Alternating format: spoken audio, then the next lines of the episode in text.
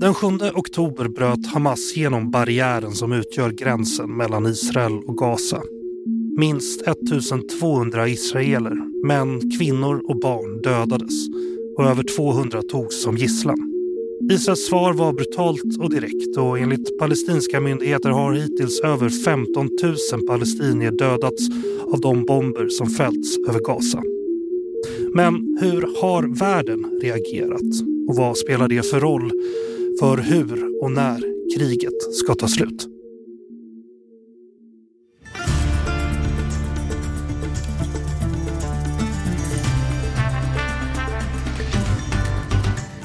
Du lyssnar på Utrikespolitiska institutets podd Utblick och jag heter Jonas Lövenberg. Kriget i Gaza är ett krig som engagerar och delar opinionen över hela världen. Och utan att välja sida så går det att konstatera att otroligt många människor redan har dött och att situationen för både gisslan som tagits och civilbefolkningen som drabbats blir värre och värre så länge kriget pågår. I det här avsnittet ska vi försöka förstå vad omvärlden har för roll att spela när det kommer till att få stopp på kriget. För att hjälpa mig och er att förstå det här bättre har jag med mig på länk hela vägen från Göteborg Isabelle Kirenbäck, professor i statsvetenskap vid institutionen för globala studier vid Göteborgs universitet. Hon är också gästprofessor vid Hebreiska universitetet i Jerusalem och associerad forskare vid Centrum för Mellanösternstudier vid Lunds universitet. Dessutom sitter hon i Utrikespolitiska institutets styrelse. Välkommen tillbaka till Utblick Isabel.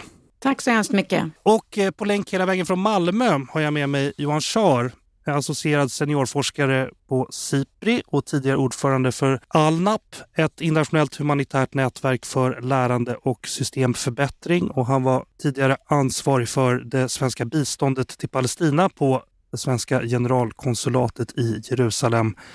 Välkommen Johan! Tack så mycket! I det här programmet ska vi försöka sätta den här konflikten i ett större sammanhang. Men för att få kontext så behöver vi säga något om vad som hänt under de senaste månaderna. Så jag tänkte börja här. Vad hände den 7 oktober i år, Isabelle? Tidigt på morgonen den 7 oktober så eh, attackerade Hamas eh, Israel genom att eh, ett stort antal personer från Hamas tog sig in över gränsen in i civilsamhällen, små kibbutzer som ligger längs med Gazagränsen och andra samhällen och även till en eh, musikfestival som pågick och eh, dödade ett stort antal eh, civila israeliska barn, kvinnor och män på eh, ett väldigt eh, brutalt sätt. Och därefter som ett svar på det så gick Israel först, började Israel bomba norra Gaza för att, som man sa, man vill slå ut Hamas och man vill få tillbaks gisslan. Och, och därefter, efter ett tag, gick man också in med marktrupper. Och sedan dess har ju Israel genom en kort liksom, paus i den här, det här kriget då så har Israel och Hamas bytt fångar. Alltså Israel har fått eh, civila gisslan tillbaks och det har resulterat i att Hamas har fått ett, ett antal eh, palestinska fångar från israeliska fängelser släppta. Men sen har, har kriget återupptagits. Hur många gisslan är det man har tagit ungefär? Ja, det är väl uppe i en 260 omkring där tror jag den senaste siffran var, mellan 240 och 260. Och eh, av dem eh, är det ett 130-tal, alltså detta är jag inte riktigt säker på, som har eh, blivit frisläppta då. Vilka är Hamas måste vi säga någonting om också. Johan? Hamas är en politisk och militär rörelse som från början närmast kan liknas vid Muslimska brödraskapet när, man, när den bildades vid, i slutet på 80-talet och som styr i Gaza efter det palestinska valet 2006 som Hamas vann men där Fatah, palestinska myndigheten, försökte eh, störta Hamas vilket resulterade i ett väldigt blodigt krig mellan Hamas och Fatah i Gaza. Och sedan dess så styr Hamas också, eh, är den de facto myndigheten i Gaza. Jag tror det är viktigt att se det både som en politisk och militär rörelse. Den är ju då terrorstämplad av EU och FN sedan 2006. Just det, och jag tänkte fråga varför då? För att man använder sig av metoder som eh, självmordsbomber, man sprängde bussar i Israel under den andra intifadan under de första åren på 2000-talet, använde alltså våldsmetoder på ett utstuderat sätt där man inte gjorde någon åtskillnad mellan israeliska civila och israelisk militär. Man har ju fortsatt de, de raketanfall som har ägt rum under rätt så många år då efter 2006 är också urskiljningslösa, det vill säga de kan träffa vem som helst, de har ingen precision. Det är då typiska eh, den slags metoder som, som fördöms enligt eller förbjudna en, enligt folkrätten som då har lett till den här terrorstämpeln. Just det, och det anfallet den 7 oktober har väl också sådana här tendenser? Definitivt, och det är ju uppenbart utan att någon domstol har uttalat sig så är det uppenbart att man har begått grova krigsförbrytelser i samband med attackerna på civila eh, då, 7 oktober. Men också eh, de raketanfall som föregick anfallet in på israelisk mark. En sak man behöver lägga till är väl också att eh, israeliska bombningarna av norra Gaza först och sen andra delar av Gaza också och marktrupperna också har lett till ett stort antal civila Gazabor som har dött. Och det är också viktigt det med att vi pratar om att det var civila som hade dött på den israeliska sidan då. Just det. Vi spelar in det här på måndag den 11 december. Jag kollade i morse, då säger FN att nära 18 000 personer har dödats i Gaza. Av dem är ungefär 8 000 barn. Jag ska också fråga, vad har Hamas för ställning på Gaza och i Palestina. Alltså ett val 2006 här, men har det funnits chans till nya val och har de folkets stöd?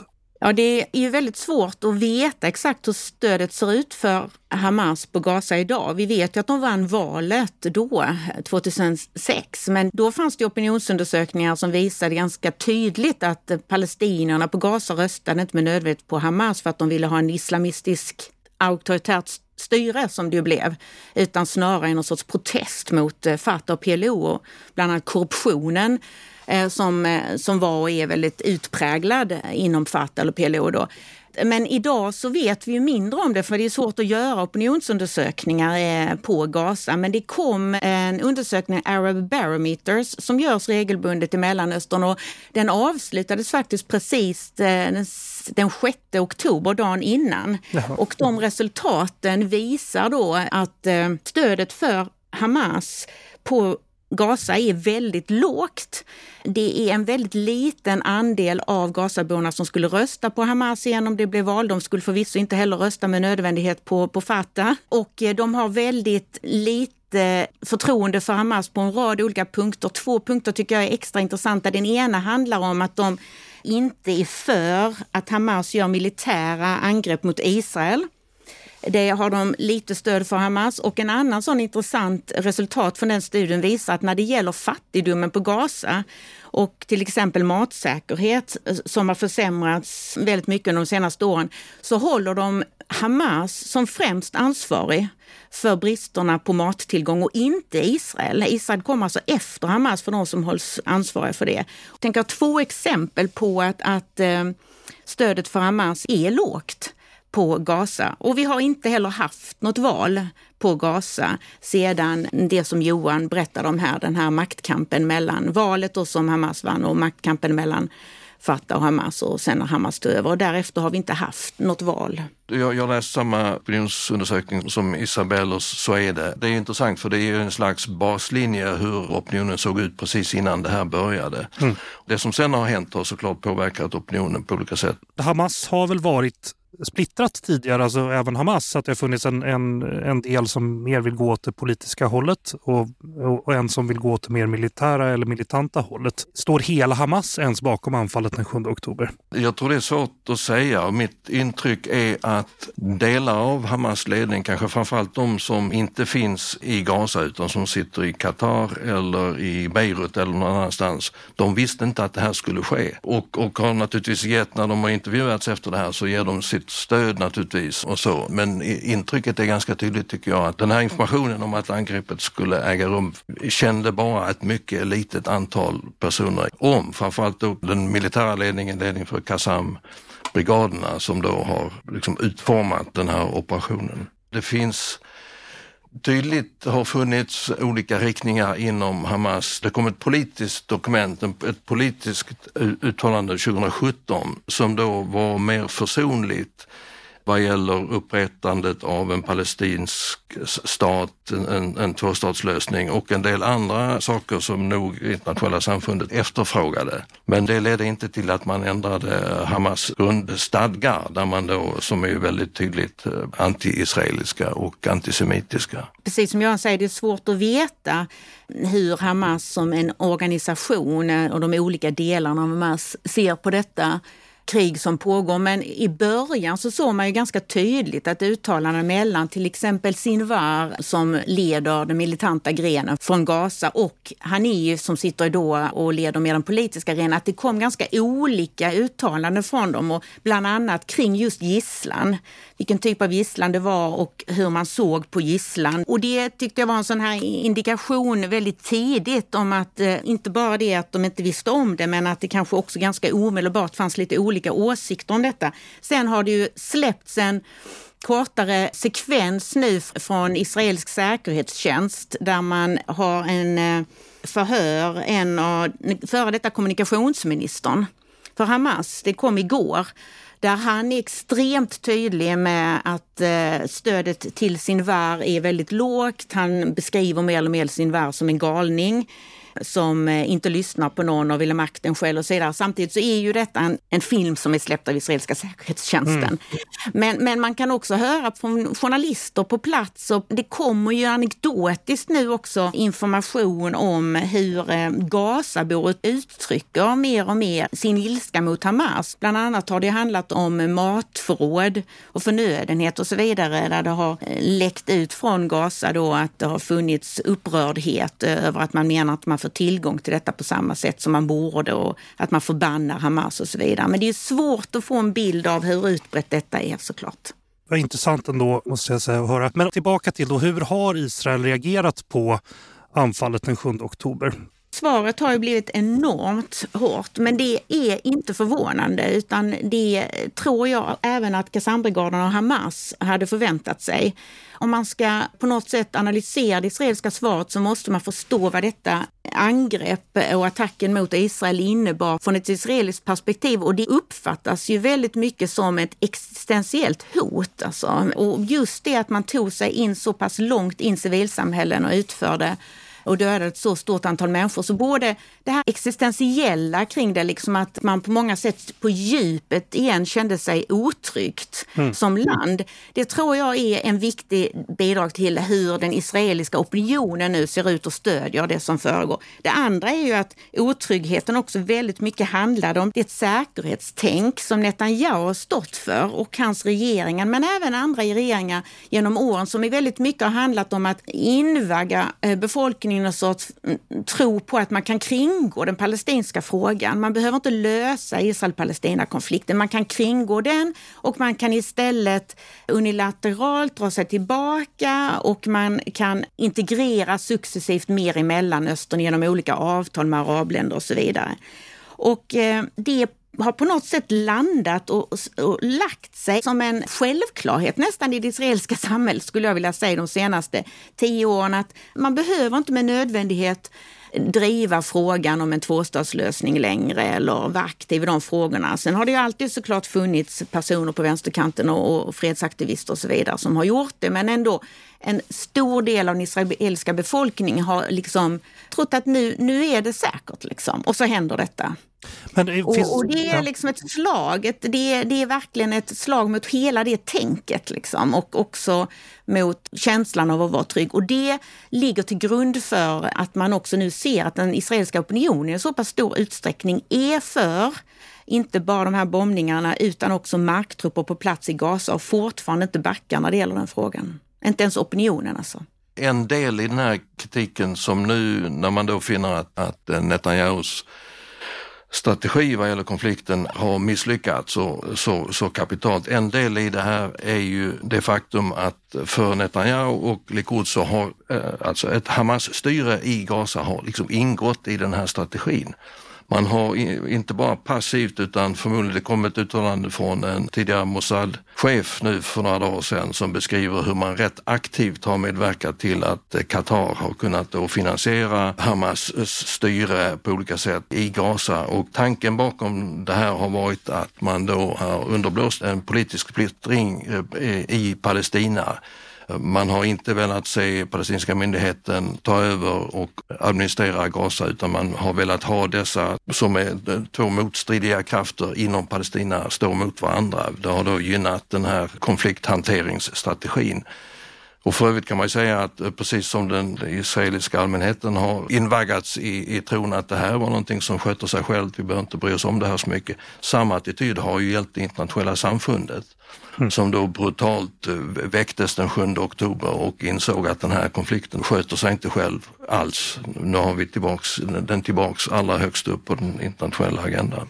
Den här högervridningen då som vi har sett i israelisk politik, har den, har den påverkat agerandet alltså det, gentemot palestinierna eller? Det har sett när det gäller höger, den, den regeringen som sitter i Israel sedan, december nu är ju den mest högerextrema regeringen i Israels historia och det vi har sett där och som har kommit fram nu. En kritik där handlar ju om att, att den här regeringen också har varit så uttalat, och flera av partierna uttalat för en annektering av Västbanken. Vi har mm. sett ökat våld på Västbanken, ökat fokus på Västbanken. Bosättarvåldet har ökat, vilket också har inneburit, då menar många, att, att delar av det skyddet som borde ha funnits längs med Gaza militärt. Det har också delvis förflyttats till Västbanken. På vilket sätt det har skett och hur, det kommer ju med stor säkerhet framtida utredningar och kommissioner att, att slå fast. Men det är en av kritiken då. Och, och att den här interna splittringen som vi såg i Israel som ett resultat av sittande regerings försök då att driva igenom de här olika juridiska reformerna som handlade om de demokratiska institutionerna och framförallt högsta domstolen, att det också skulle kunna vara ett tecken på att Israel är söndrat, splittrat och så vidare och att det indirekt och då på något sätt också betrakta Israel som mer sårbart under den här perioden än tidigare. Så den typen av frågor diskuteras väldigt mycket i Israel fortfarande. Det bubblar av kritik. Alltså det finns enorm kritik här i Israel som kommer eh, successivt kommer att komma upp allt mer och som fortfarande är uppe på agendan. Men så både då den interna splittringen i Israel och eh, den här kanske hetska retoriken att annektera Västbanken, tror ni det har bidragit till att Hamas har agerat nu då kanske? Finns, kan det finnas ett sådant samband? Det vet vi ju inte. Jag vet inte om Johan har något bra svar på det, men jag, jag skulle säga att jag har inget svar på det. Det är också uppenbart att Hamas har planerat detta under väldigt lång tid. Mm. Det finns uppgifter att det har planerats upp så långt som tvåårsperiod. Så att jag har väldigt svårt att svara på den frågan faktiskt. Ja, jag förstår. Ja. En annan sak då, Israel har ju en av världens största och mest sofistikerade underrättelseorganisationer i världen. Så hur kunde man inte förutse att det här skulle hända? I Israel finns det ett begrepp konceptia som handlar om att eh, det kan vara så här att man blir så upptagen och övertygad över sin egen sätt att se på världen så att man missar vissa grundläggande förändringar eller saker som är på gång. Och det är nog så att just det här synsättet som vi har varit inne på, Hamas och Fatah är splittrade och det finns inget samarbete där och så vidare. Att, att man har helt enkelt inte sett det som möjligt för palestinierna och framförallt Hamas då att slå till på den här skalan och på det här sättet som man har gjort. Man har helt inte, det har inte funnits i ens föreställningsvärld att man kan göra det för att man har varit så övertygad om att den strategi man stakat ut eh, är den som är bäst för landet. Och att också det politiska ledarskapet och militära ledarskapet har varit väldigt övertygande innan de har förmedlat den här bilden och visionen då utåt till sin befolkning och även internationellt som Johan var inne på att det på något sätt har varit en icke-fråga väldigt länge. Så det, det tror jag är en del av förklaringen och det ser man också på de rapporter och framförallt intervjuer nu som har börjat komma fram med den delen av IDF, det israeliska militären, som ansvar för gränsen till Gaza. Där är det ju flera personer som stigit fram med intervjuer i israelisk media som har berättat hur de under ganska lång tid regelbundet vid flera tillfällen har rapporterat detaljerat uppåt i organisationen att någonting pågår på andra sidan. En av dem till och med skrev uttryckligen om jag, om, om jag citerade rätt, att den personen varnade så att det förefaller som Hamas förbereder sig för krig. Mm, och ändå så har det på något sätt inte tagits upp. Man har liksom avfärdat och sagt nej men det är inte möjligt. Hamas har inte den möjligheten att göra det. Liksom. Så det är ju en förklaring som allt fler landar i, att eh, det är ett stort säkerhetsfiasko, militärt fiasko att man har missat detta. Man har varit för upptagen av att ens egen föreställningsvärld är den rätta. Liksom. Och vad, kommer den här missen ha för politiska konsekvenser då i Israel? Ja, det vet vi ju inte. Vi vet att det kommer att bli en stora utredningar och kommissioner, blir det alltid i Israel efter den här typen av händelser.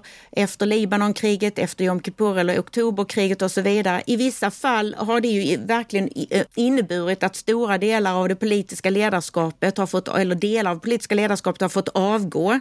Även militär militärt har det förändrats, olika saker av det militära ledarskapet. Men samtidigt när vi har att göra med Netanyahu, det är ju många som menar, och där kan jag själv också landa ibland, att det här kommer inte Netanyahu att överleva.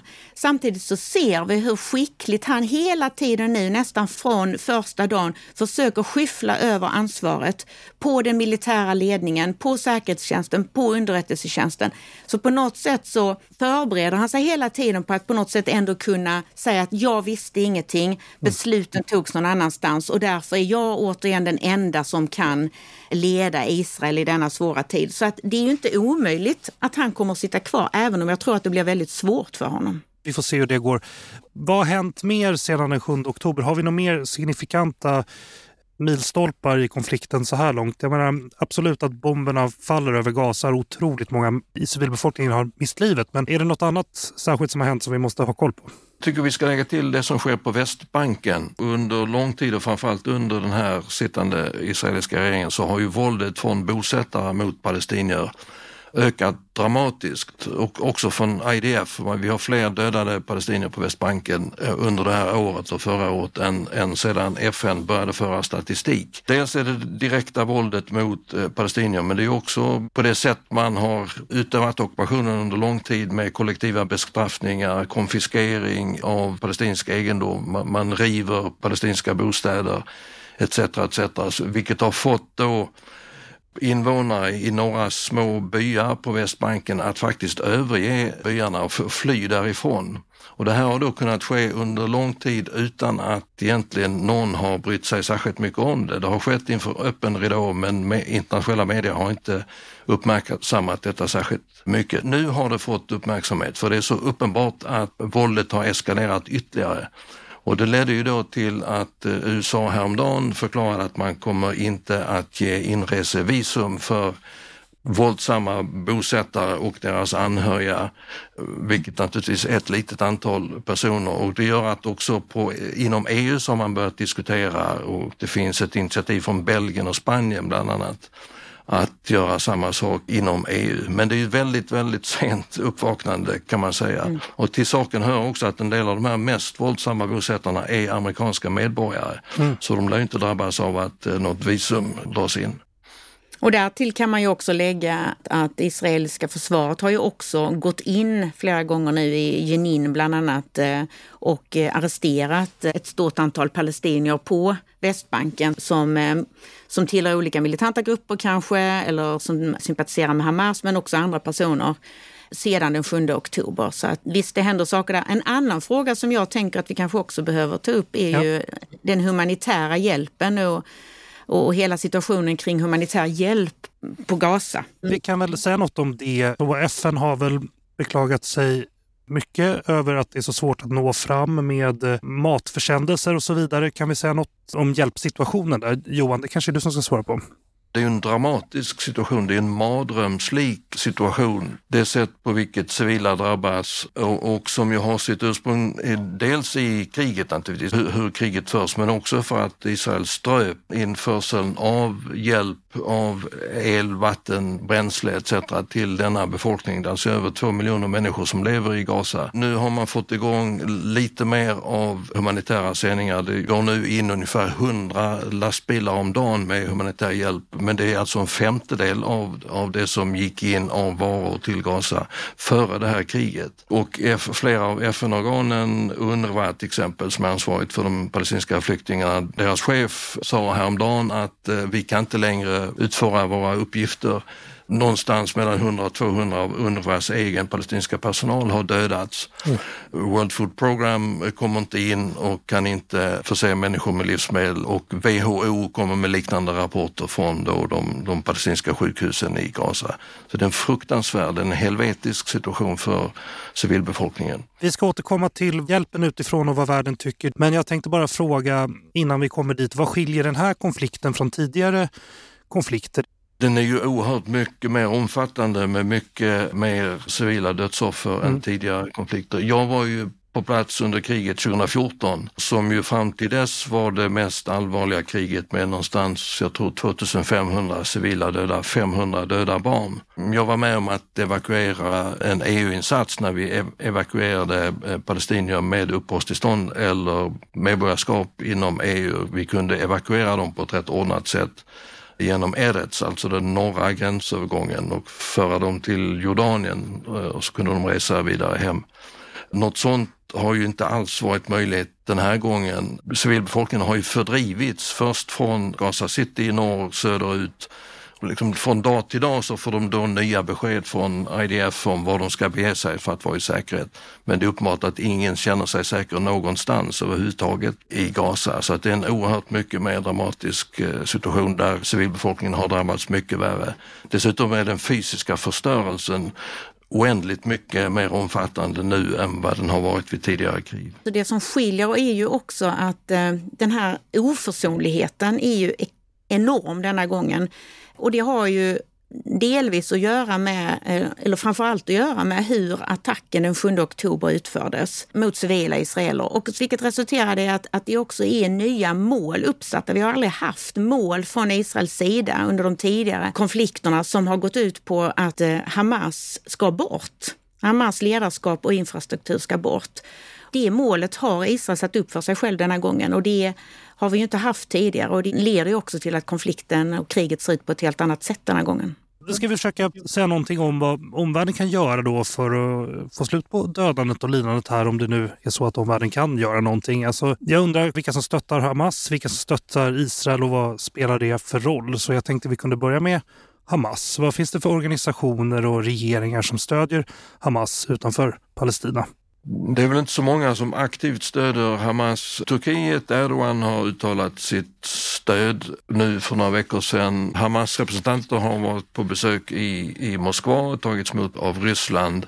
En, en del av arabländerna, Qatar, har hela tiden haft förbindelser och ett materiellt stöd. Mm. Iran stöder naturligtvis Hamas. Och det är ju en sak med det, direkta politiska materiella stödet. En annan sak är den, jag tror det finns en stor sympati för Hamas och, och det uppror mot ockupationen som många, tror jag, runt om i världen ser hända, där man gärna vill glömma eller inte erkänna de bestialiska dåd som Hamas begick mot civila. Man vill inte riktigt kännas vid, man tillgriper gärna konspirationsteorier och så för att mm. liksom förklara bort detta. Men det finns en sympati med detta uppror som man ser nu äga rum mot eh, ockupationsmakten. Hur viktigt är det här stödet då utifrån eller sympatier? Jag pratar ju både om sympatier och stöd här om vi ska säga att det är olika saker. Hur viktigt är det för Hamas och Palestina egentligen? Alltså, framförallt så finns det ju ett oerhört starkt kritik mot Israel och mot USA. Vi hade resolution i säkerhetsrådet här häromdagen där 13 medlemmar röstade för.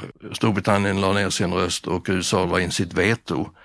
Och ungefär samtidigt så lyckades man få gå förbi kongressen och anslå eh, medel för ytterligare eh, ammunition, stridsvagnsammunition från USA till Israel. Och många runt om i världen ser det här som att eh, USA ger Israel fria händer att bedriva krigföring på ett fullständigt oproportionerligt sätt och eh, som en kollektiv bestraffning mot, mot civilbefolkningen i Gaza som inte har någonting med det här att göra som, som skedde den 7 oktober. Så tror jag många ser det. Just det, jag ska fråga er om, om, USA strax, men jag tänkte bara för att bli klar med Hamas här, alltså Irans stöd, hur viktigt är det? Jag har svårt att avgöra det. det. Det är väl tydligt att man i ett tidigt skede såg man för sig ett scenario där Hezbollah skulle då verkligen gå till ett stort angrepp mot Israel med raketbeskjutning med direkt iranskt stöd.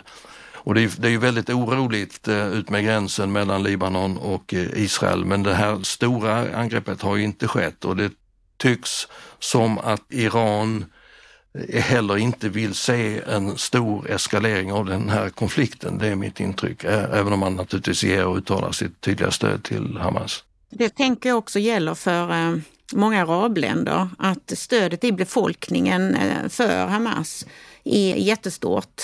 Palestina, stödet till Palestina överlag är stort.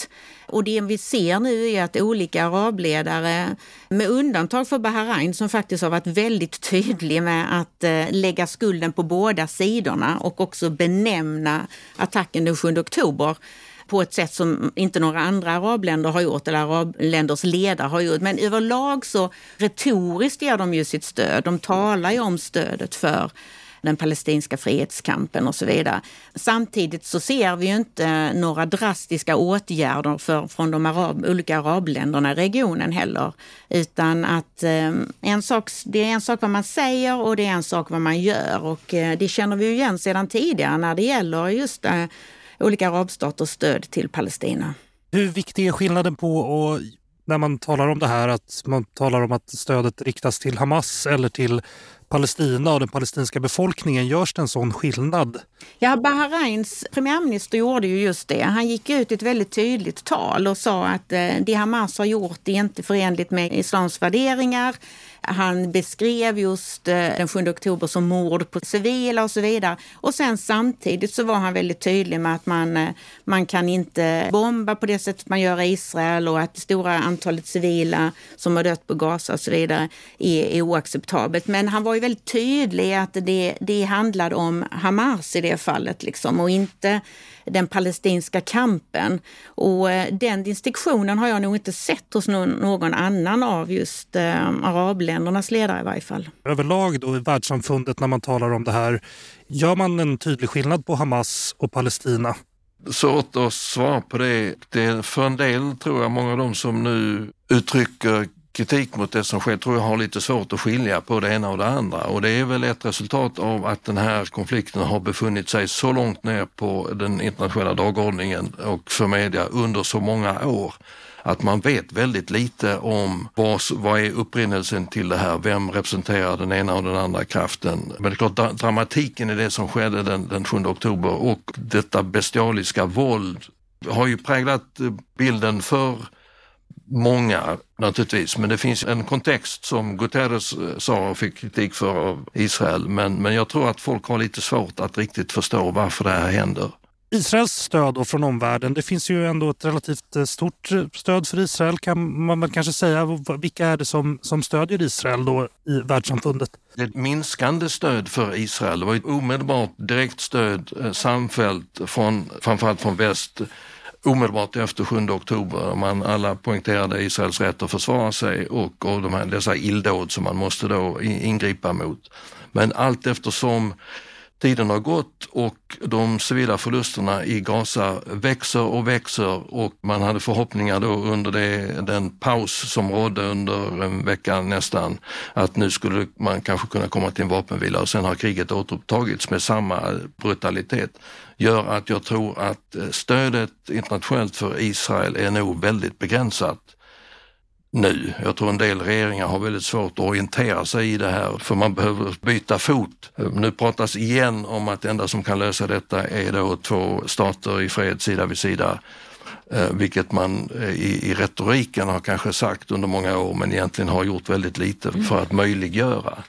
Men jag tror det, det sker en omvärdering. Jag har en god vän i Israel, en, en judisk vän som säger att Israel har nu förlorat världen. Mm. Man ser inte och man bryr sig inte om vilka reaktioner det här väcker internationellt och man förstår det inte riktigt heller. Jag delar Johans bild där och på många sätt så påminner detta ju om hur stödet brukar se ut. Det brukar vara starkt för Israel i början, från väst då. Man brukar punktera att Israel har rätt att försvara sig när det gäller raketbeskjutningar eh, från Hamas in i Israel. Och sen så med tiden och med att eh, Israel bombar tillbaks och slår tillbaks. Det brukar ske ett skifte, stödet för Israel avtar och man börjar pusha parterna mycket mer, även israelerna, mot en vapenvila och så börjar förhandlingar och så får vi en vapenvila. Så brukar det se ut och på många sätt tror jag att det ser väldigt likadant ut denna gången men den här perioden är mer utdragen. Alltså denna gången så på grund av det som hände den 7 oktober så har man sett att stödet för Israel har liksom varit kvar längre. Och först nu börjar vi se att eh, flera länder i väst börjar prata mycket mer om, inte bara det här att man måste öka den humanitära hjälpen till Gaza, utan också att man måste komma till stånd någon form av samtal eller vapenvila i varje fall, måste jobba mot det och så vidare. Där tycker jag det är intressant för där finns det ju också uppgifter nu när det gäller just eh, amerikanarna om att visst, de har stöttat Israel eh, väldigt tydligt och helhjärtat men det pratas om en allt mer begränsad tid som amerikanerna kan tänka sig att fortsätta stötta Israel, israeliska marktrupper och bombningar så på det sättet vi har sett i Gaza. Om man hör nu of, allt ofta tre till sex veckor, alltså till januari kanske, men sen så pratar många om, eh, eller det läcker då information om att, att sen så kommer det vara svårt för amerikanerna att fortsätta stödja den typen av militär operation som Israel gör på Gaza mycket längre än så. Den kommer fortsätta men kanske på ett annat sätt då måste den fortsätta. Så det är väl en bild av hur det här har förflyttats över tid då. Hur viktigt är USAs stöd? Klarar sig Israel utan USAs stöd? USA kommer alltid att stödja Israel, eller USA kommer i den här konflikten kommer inte stödet från USA att försvinna, men USA kommer att Eh, pressa Israel allt mer i den riktning man vill ha dem. Och USA tillsammans med G7 var ju väldigt tydliga med vissa saker. De vill inte se en återockupation, de vill inte se en minskat palestinskt område, alltså Gazas område, vilket innebär någon säkerhetsbarriär som israelerna kanske pratar eller tänker på. Den kommer, då vill inte amerikanerna ha inne på Gazas territorium, utan i så fall får den vara på det israeliska territoriet. Man vill inte se en fördrivning av palestinier ut ur Gaza.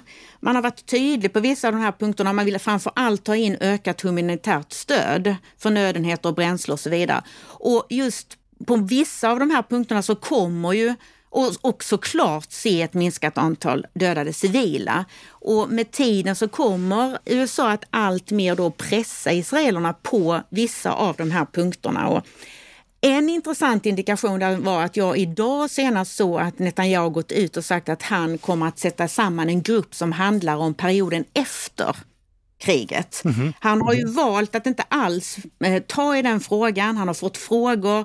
Han har sagt vissa saker, militären lite. Det har varit funnits olika, men det har varit uppenbart att man har inte haft en tydlig bild av hur man ser vad som ska ske med Gaza efter kriget. Och om det stämmer så har han gått ut idag och sagt att han ska tillsätta en grupp som ska arbeta med just den frågan. Och det tror jag är en indikation på att även Netanyahu och den israeliska regeringen förstår att det ställs vissa frågor från den amerikanska administrationen som man behöver kunna besvara snart.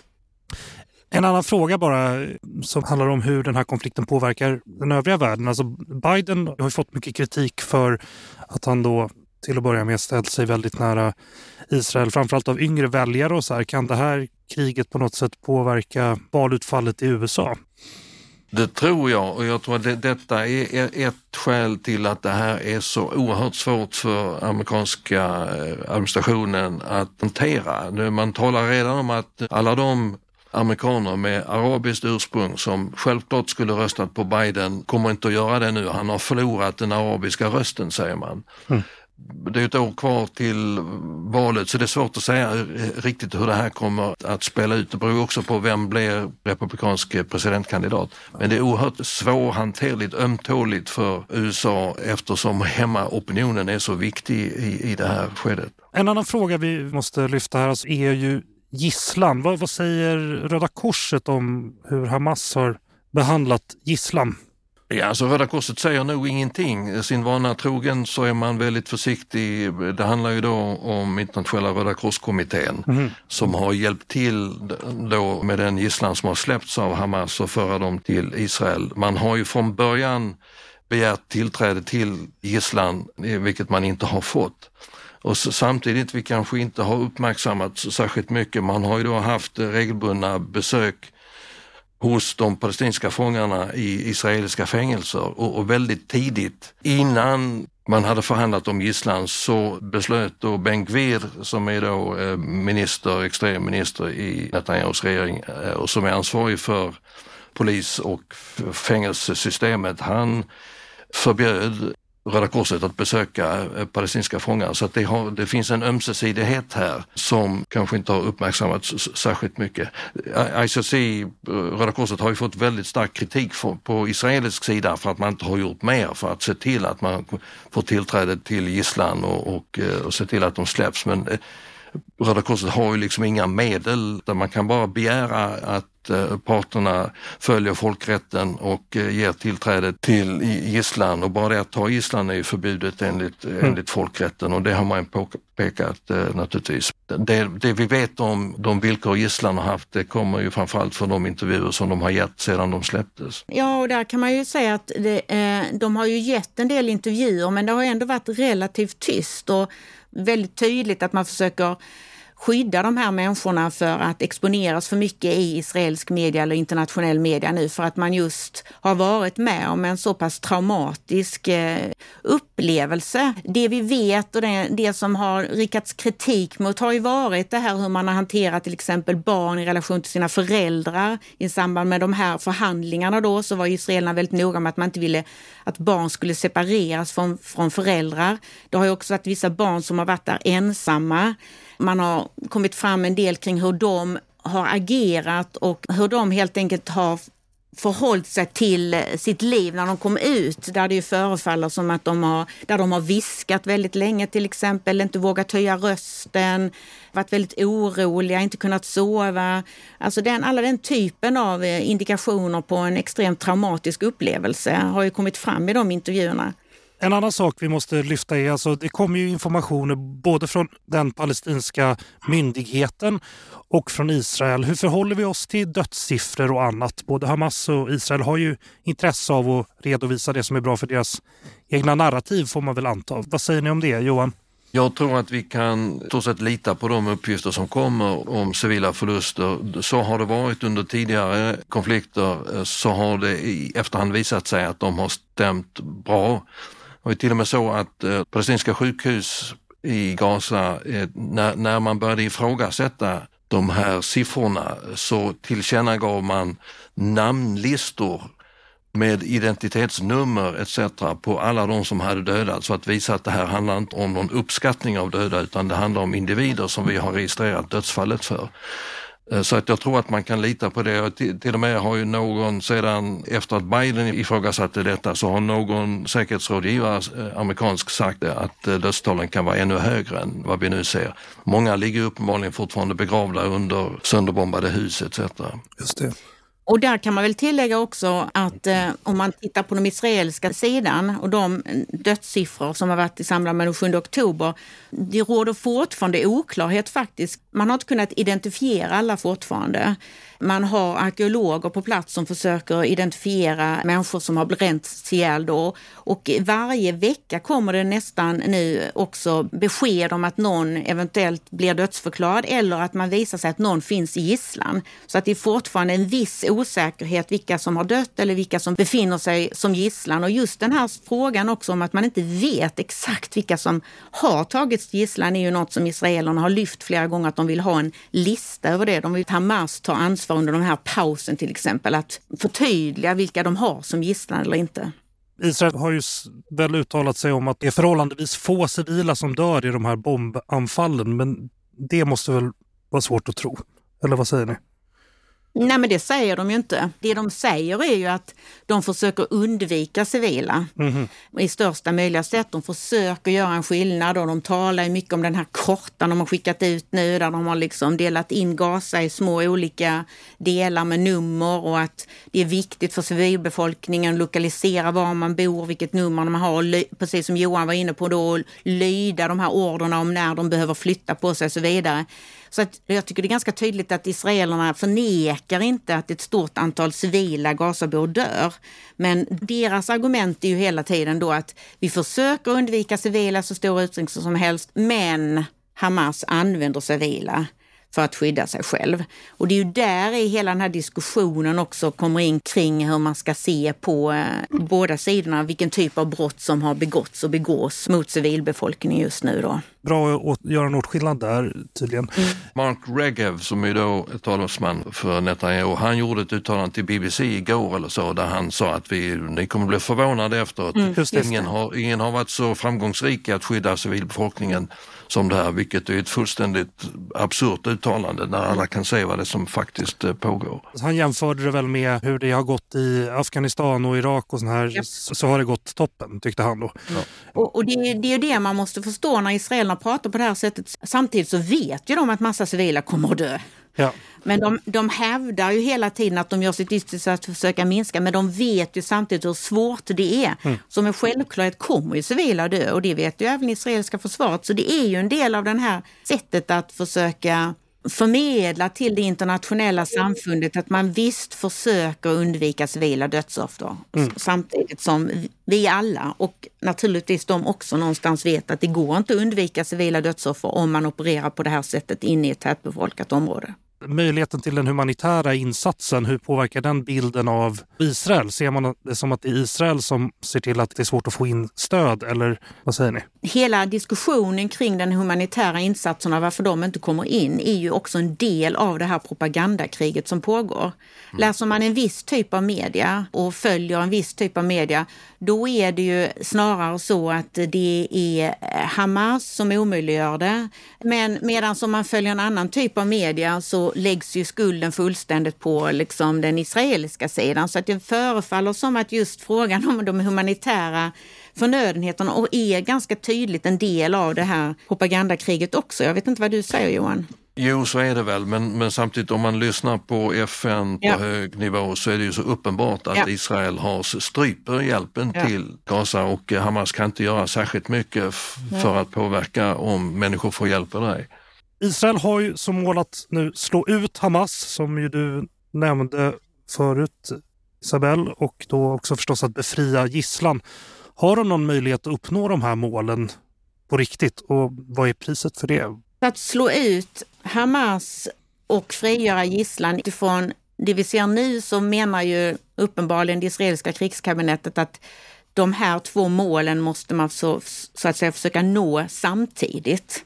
Man kommer inte få ut gisslan genom förhandlingar eller de kraven som Hamas kommer att ställa för att släppa framförallt soldater som gisslan kommer att vara för höga för att Israel ska kunna acceptera dem till exempel. Och nu är tanken att man militärt då ska uppnå de här målen. Sen är det mycket möjligt att vi får se någon vapenvila ändå framöver, eh, en kortare igen, liksom, eh, eller en paus innan man går vidare man kommer att kunna eventuellt att slå ut eh, Hamas ledarskap och, och eh, komma åt sin var och den kretsen kring honom. Redan nu är det ju flera av ledande personer inom Hamas på olika nivåer som har dödats. Och infrastrukturen såklart, tunnlarna då, eh, de här olika typerna av kommandocentraler eller ledningscentraler vapenfabriker, det kan man slå ut. Men frågan är ju just den här med att det är ju liksom Hamas som ideologi, alltså den här islamistiska och nationalistiska ideologin som Hamas alltså står för är en ideologi och frågan är ju om den går slut. Alltså blir man av med ledarskapet och den här infrastrukturen, kommer den att vara förbi? Det är ju den stora frågan och den är jag tveksam till att man kommer att lyckas med. Hamas finns ju inte bara på Gaza. Det finns ju de som stöttar och associerar sig med Hamas även på Västbanken och på många andra delar runt om i världen och i Mellanöstern. Så att jag har svårt att se att man kommer kunna lyckas med den delen av det. Och kostnaden då, om man kan säga något om den. Det är ju redan till en väldigt hög kostnad då i människoliv och så vidare. Hur mycket längre tror vi att det måste gå för att de ska uppnå det här målet? Ja, där är det ju det internationella samfundets påtryckningar som måste, liksom det är då, hur starka de blir, inte bara USAs utan även arabstaters men också EUs påtryckningar. Hur starka kommer de bli för att få till stånd någon form av vapenvila till exempel.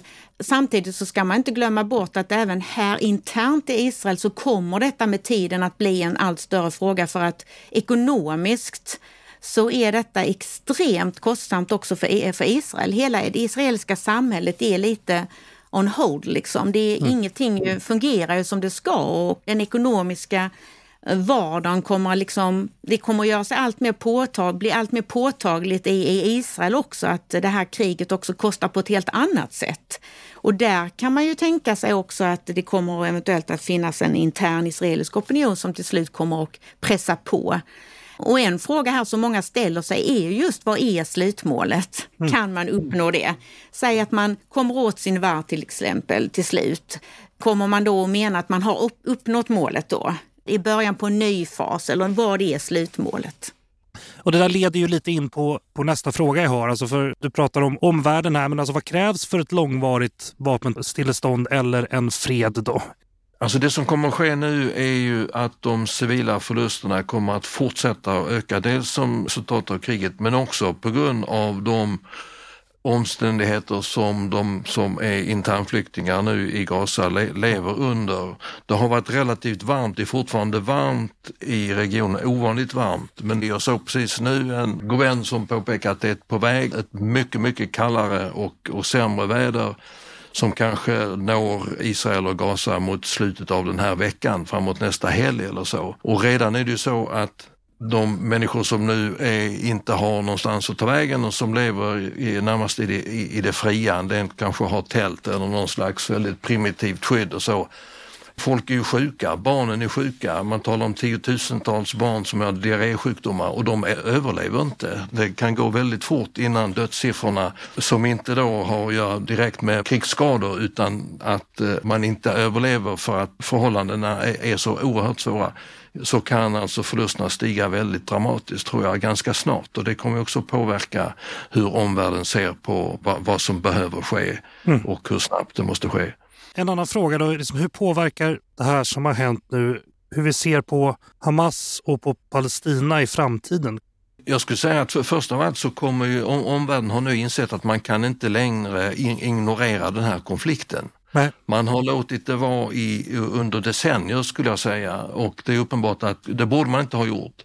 Om man är tvungen nu internationellt att engagera sig för någon slags Eh, lösning på den här konflikten och det är därför man igen börjar tala om tvåstatslösningen. Det är väldigt svårt att se hur ser eh, månaderna och, och åren efter ett eldupphör, hur ser det ut egentligen och vad, ska, hur, vad kan man tänka sig för slags eh, styre i Gaza och, och i, i, Palestina på ockuperat område i stort. Man diskuterar olika idéer och så, men det finns ännu ingen tydlig bild av eller någon slags genomtänkt plan eller strategi tror jag för hur det här ska, ska gå till. Man, man har ställts inför ett problem som har blivit så oerhört mycket svårare och djupare genom att konflikten har fått fortsätta under så lång tid. Jag håller helt med Johan. Jag tänker att om man tänker sig en framtid där den palestinska myndigheten återigen kommer att få spela en mycket större roll. En av de här förslagen som läggs fram eller som cirkulerar handlar ju om bland annat om att den palestinska myndigheten och Fatah då, eller PLO ska tillbaks till, till Gaza och ta över det. Det är ju möjligt att i den typen av samtal och visioner så där ser man ju den här att man har en väldigt olika blick och, och förhållningssätt till Hamas som en typ av rörelse och Fatah och PLO som en annan.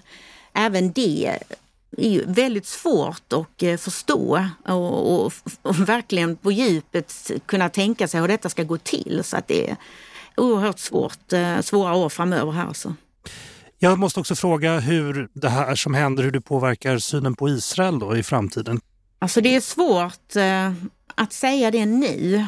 Å ena sidan så ser vi ju ett mycket starkare ifrågasättande faktiskt av hela den israeliska statsbildningen igen. Mm. Om man tittar på vissa av de här proteströrelserna som har växt nu under de senaste veckorna så mycket av det som sägs där tyder ju på att man ifrågasätter hela Israels rätt att existera som stat. Och det tycker inte jag mig ha sett i den utsträckningen tidigare.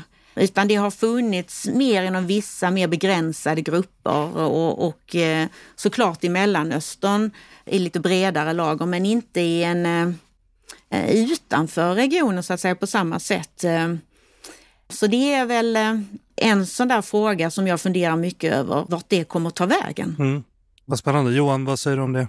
Nej, jag tror det är precis så. Va? Man, för, först så inser man att det här har en historia som inte började den 7 oktober. Och så går man tillbaks till sexdagarskriget och ockupationen som inleddes då 1967. Men man inser, precis som Isabel säger, att det här har ju en längre historia och även om man inte kommer att ifrågasätta Israels rätt att existera så tror jag att man går tillbaka och måste dra slutsatsen att det sätt på vilket den här staten kom till 1948 sådde frö till det vi nu ser. Och det faktum att flyktingfrågan aldrig löstes, att 700-800 000 palestinier flydde eller fördrevs, har suttit i flyktingläger i Syrien, Libanon, Jordanien och så, eller på Västbanken eller i Gaza, att man lät det här Eh, statsbildningen eh, ske på det här viset då såddes fröet i det vi nu har sett. Va? Och det är klart att hantera någonting som går 75 år tillbaka i tiden med så mycket som har utspelats, all, alla dessa fakta på marken som man brukar tala om, eh, gör att det är oerhört svårt. Och, och jag, jag, tycker, jag tycker också att det är, det är närmast intellektuellt svårt att greppa det här, tänka, tänka sig in i hur ser då vägen ut ur det här, hur ser den ut egentligen? Och, och vi står ju inför då någonting som är all, alldeles nytt, va? Då, där man inte kan tillgripa det som man har försökt göra i det förflutna och hantera konflikten, utan nu är det någonting annat som krävs för att lösa detta.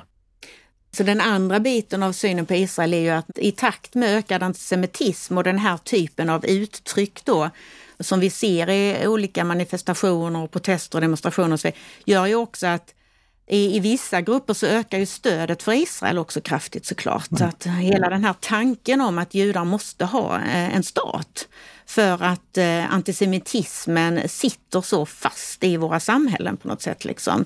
Så det är ju en annan bild, eh, liksom en annan vinkel på det hela så att säga. Att, att på det sättet kan man tänka sig att stödet för Israel som stat och just en judisk en stat för judar undans antisemitism ökar. Avslutningsvis då, om vi får säga en grej som vi ska hålla koll på framåt i den här konflikten. Vad, vad håller ni ögonen på, Johan? Framförallt måste vi hålla ögonen på det som nu sker från dag till dag när det gäller civilbefolkningens möjlighet att överleva och att inte de civila förlusterna och då särskilt bland barn blir oerhört mycket större än vad de nu är. Det, det är ju den absoluta prioriteten nu. Vi hade säkerhetsrådets röst häromdagen med amerikanskt veto. Det här kommer ju komma tillbaks som en internationell politisk fråga. Rösten går nu till generalförsamlingen imorgon tror jag, alltså under den här veckan. Mm. Det politiska agerandet på internationell global nivå, det, det kommer vi se mer av tror jag, under de nästa dagarna och veckorna. Isabelle, vad säger du? Vad ska vi hålla koll på?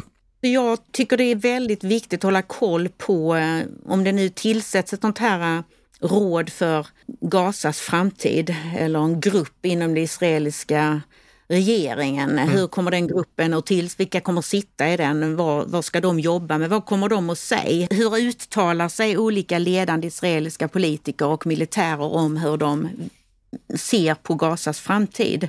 Det kommer jag verkligen att eh, följa nu, eh, speciellt nu om man har beslutat sig för att eh, liksom ta i den frågan lite mer. Så tror jag det är viktigt att ha koll på vad som sägs där i de sammanhangen. Isabelle Kirenbäck, professor i statsvetenskap vid institutionen för globala studier vid Göteborgs universitet. Johan Schar, associerad seniorforskare på SIPRI. Tack för att ni ville vara med. Tack så mycket. Tack så mycket. Nu har du lyssnat på Utrikespolitiska institutets podd Utblick. Glöm inte att trycka på prenumerera-knappen i appen där du lyssnar på oss. Om du vill veta mer om UIs forskning och omvärldsbevakning, titta in på ui.se. Vår vignett är komponerad av Frid en Frid. Och vi spelar in hos Red Means Go och i kontrollrummet idag sitter Kaj Rosén. Jag heter Jonas Lövenberg. På återhörande.